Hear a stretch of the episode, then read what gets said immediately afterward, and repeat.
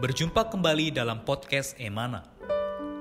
Renungan-renungan yang menguatkan iman ini diambil dari tulisan-tulisan saudara Watchmeni, seorang pelayan Tuhan yang sangat mengasihi Tuhan sampai akhir hidupnya.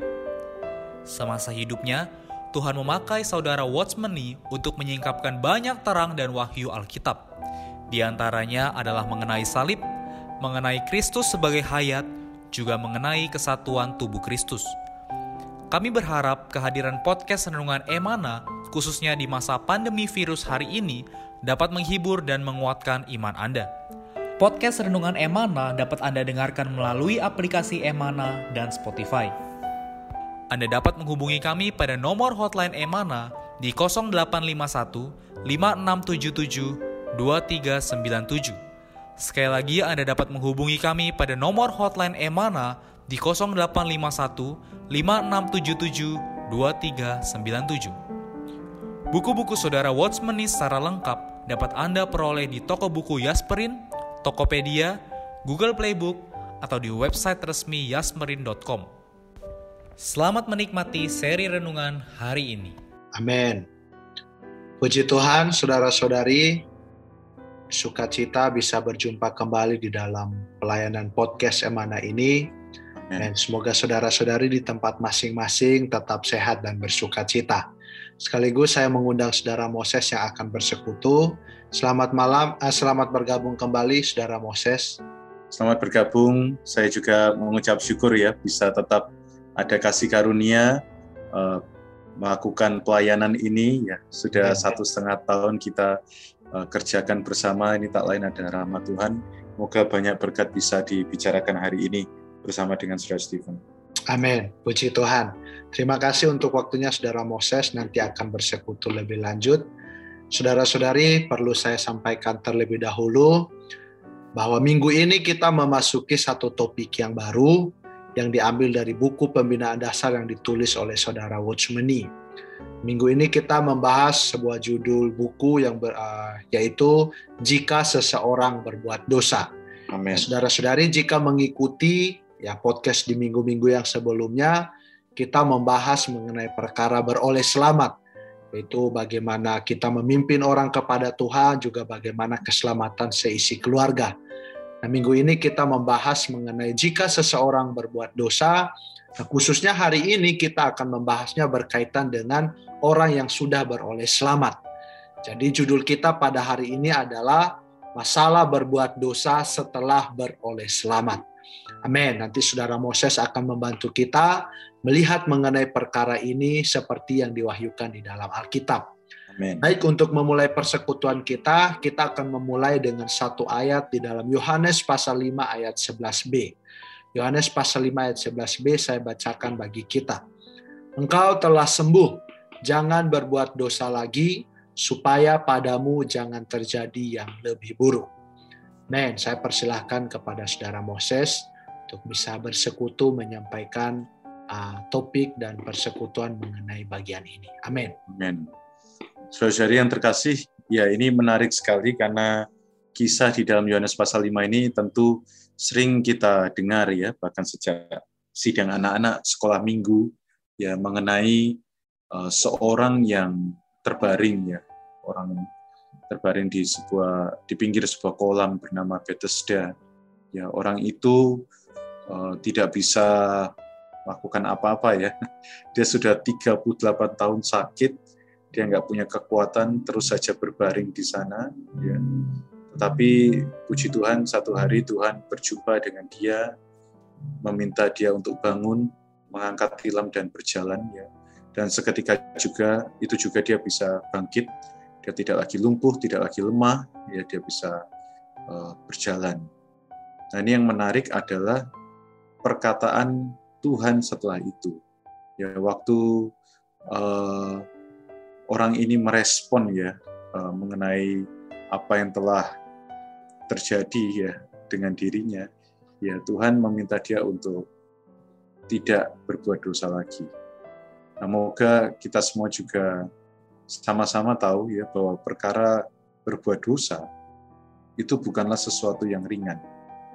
Ya, berbuat dosa itu adalah sesuatu yang buruk. Berbuat dosa itu bukan sesuatu yang bisa ditolerir. Saudari kita harus tahu bahwa Allah benci dengan dosa.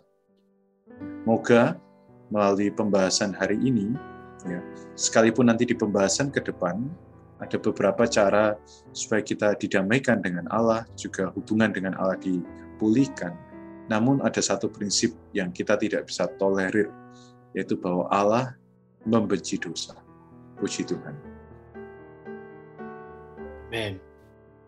Baik, saudara-saudari, uh, kita akan melanjutkan melihat lebih lanjut mengenai perkara uh, masalah berbuat dosa setelah beroleh selamat.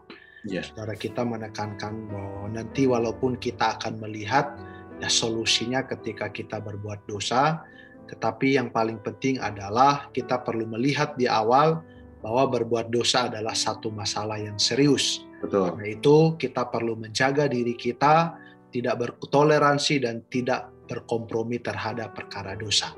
Amin. Dan baik saya akan membacakan kutipan berita di sini. Di sini dikatakan puji Tuhan, setelah kita beroleh selamat, tidak seharusnya kita berbuat dosa lagi. Setelah kita beroleh selamat, Tuhan segera memberi satu perintah kepada kita. Jangan berbuat dosa lagi. Amin. Sebagai orang yang telah diselamatkan, kita sekali-kali tidak boleh tetap hidup di dalam dosa. Orang Kristen bisa tidak berbuat dosa, karena di dalam orang Kristen ada hayat atau kehidupan Allah yang kita terima sewaktu kita percaya. Hayat ini tidak bisa berbuat dosa dan juga tidak bisa mentolerir dosa sedikit pun. Hayat ini kudus sebagaimana Allah adalah kudus. Hayat ini dalam batin kita memberi kita perasaan yang luar biasa pekanya terhadap dosa. Yeah. Bila kita hidup menuruti perasaan hayat ini, atau bila kita hidup dalam hayat ini, maka kita bisa tidak berbuat dosa. Amin. Silahkan, Saudara Moses. Saudara Syari, kalau kita tadi melihat kembali ke ayat yang kita baca ya di Yohanes 5 ayat 14, bahwa ketika Tuhan bicara, engkau telah sembuh, jangan berbuat dosa lagi, supaya padamu jangan terjadi yang lebih buruk. Rasanya ini sesuatu yang mustahil ya, saudara Syari. Mengapa? Karena pada manusia itu kan tidak ada yang baik ya. Satu kebaikan pun tidak ada. Dan kecenderungan manusia adalah memang untuk berbuat dosa. Tapi saudara hari ini kita perlu menyadari bahwa kondisi kita berbeda dengan orang yang ada di pinggir kolam Bethesda tersebut. Saudara yang terkasih, ini menarik. Yaitu bahwa hari ini Yesus yang 2000 tahun lalu berbicara kepada orang tersebut untuk bangun angkat tilam dan berjalan, hari ini sudah ada di dalam kita. Sebagai apa, saudara Sebagai hayat kita. Sebagai supply dan sumber kekuatan yang ada di dalam kita yang memampukan kita untuk tidak berbuat dosa. Jadi ini luar biasa ya. Inilah berkat yang sejati dari orang Kristen. Bukan sekedar diampuni dosanya, saudara-saudari. Ya sekali lagi, berkat terbesar orang Kristen dalam pengalaman saya bukan sekedar diampuni dosa saya, tapi apa? Saya menjadi orang yang memiliki kemampuan untuk bisa tidak berbuat dosa. Wah, ini luar biasa sebenarnya. Semua orang Kristen, setiap kaum beriman, punya kapasitas dan kemampuan untuk tidak berbuat dosa.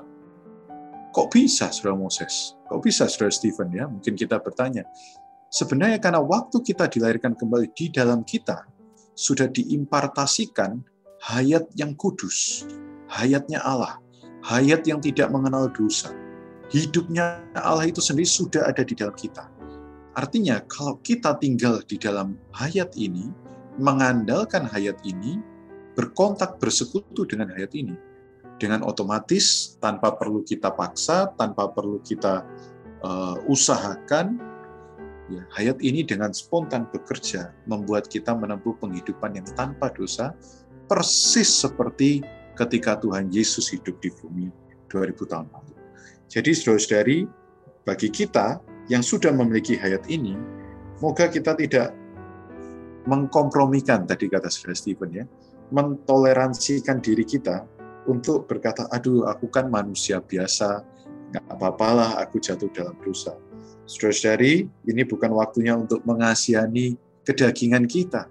Karena kita semua adalah manusia rohani yang punya kemampuan rohani untuk tidak berbuat dosa. Puji Tuhan. Amin. Puji Tuhan. Sungguh satu hal yang mustika ya saudara-saudari mengetahui bahwa orang Kristen memiliki satu hayat di dalamnya yang memampukan dia untuk tidak berdosa. Saudara-saudari, kita beda dengan orang yang tidak percaya. Ya, orang yang tidak percaya tidak memiliki hayat-hayat ini, sehingga yes. apa pun yang mereka kerjakan itu pasti adalah dosa. Namun puji Tuhan di dalam kita ada hayat Allah yang kudus dan tidak bercela. Dan itu tadi saudara Moses juga mengatakan, jika kita hidup menurut hayat ini, maka kita tidak kita pasti tidak berbuat dosa. Nah, semoga saudara-saudari hari ini kita adalah orang-orang yang memperhatikan hayat ini. Amin. Kita tidak hidup menurut hayat alamiah kita, tidak hidup menurut hayat manusia kita yang jatuh, tetapi hidup menurut hayat Allah yang kudus dan tidak bercela itu. Amin. Baik, saya bacakan bagian yang terakhir dari kutipan berita ini. Tetapi kita orang Kristen mungkin berbuat dosa, sebab kita masih berada di dalam daging. Bila kita tidak hidup menurut Roh Kudus, tidak hidup di dalam hayat, di mana dan kapan saja ada kemungkinan bagi kita untuk berbuat dosa. Maka yeah. hari ini kita sebagai orang Kristen diperlukan hidup di dalam hayat Allah ini. Amin. Amin. Ya, betul ya. Uh, seperti tadi disampaikan dan kembali ditekankan oleh Saudara Stephen bahwa karena kita ada dalam hidup uh, hidup di dalam daging, maka betul kita mungkin berbuat dosa. Tapi kenapa tadi saya terus menekankan bahwa ini bukan sesuatu yang baik untuk kita tekankan di dalam pembahasan hari ini karena saudara-saudari ya iblis suka menekankan kita ini ada di dalam daging sehingga kita mengasihani diri kita. Tapi pada hari ini, moga firman Tuhan menguatkan kita ya sambil mendorong kita, menyadarkan kita bahwa kita punya sesuatu yang lain selain daging di dalam kita. Kita punya roh. Nah, ini yang menarik. Galatia pasal 5 ya, berkata, jikalau kita hidup oleh roh, baiklah kita juga berjalan ya, berjalan oleh roh. Terus kalau kita bisa melihat saudara-saudara yang terkasih di dalam Tuhan, hasil dari hidup oleh roh itu luar biasa. Ya, hasil kita lihat buah-buah roh itu ada ya. Dan yang menarik, begitu kita hidup oleh roh di ayat 16, Galatia pasal 5, maka kamu tidak akan menuruti keinginan daging. Saudara-saudari, begitu kita hidup oleh roh, otomatis tidak menuruti keinginan daging. Maka apa yang terjadi? Percabulan, kecemaran, hawa nafsu, penyembahan berhala, sihir, perseteruan, perselisihan, iri hati, amarah, kepentingan, diri sendiri, ya banyak sekali uh, hal yang didefinisikan oleh Rasul Paulus di dalam kitab Galatia 5 berkaitan dengan perbuatan daging. Semuanya itu nggak perlu kita tahan, saudara Hawa nafsu, kecemaran, ya di masa pandemi ini begitu banyak hiburan-hiburan yang aneh-aneh sekarang muncul di gadget kita, di mungkin handphone, di laptop, anak-anak Anda mungkin yang sedang bersekolah tanpa disadari dunia internet ini penuh pencemaran dan percabulan. Tetapi saudara-saudara, bagaimana caranya? Ya, coba diblok, coba ditutup. Ya, namanya daging itu begitu licik, dia akan cari banyak cara untuk bisa menutupi, menyembunyikan. Tapi begitu orang itu, termasuk anak tersebut, melatih rohnya, maka dengan otomatis dikatakan kamu tidak akan menuruti keinginan daging. Kenapa? Karena di dalam roh kita ada kapasitas hayat yang kudus tadi. Saudara-saudari ini perkara yang sangat real, perkara yang sangat praktis ya. Anda mau tidak gampang emosi, lembut terhadap suami, eh, menyayangi istri, kuncinya hanya satu, kembali berpaling ke dalam roh. Nah, di dalam roh Anda ada hayat yang luar biasa. Amin.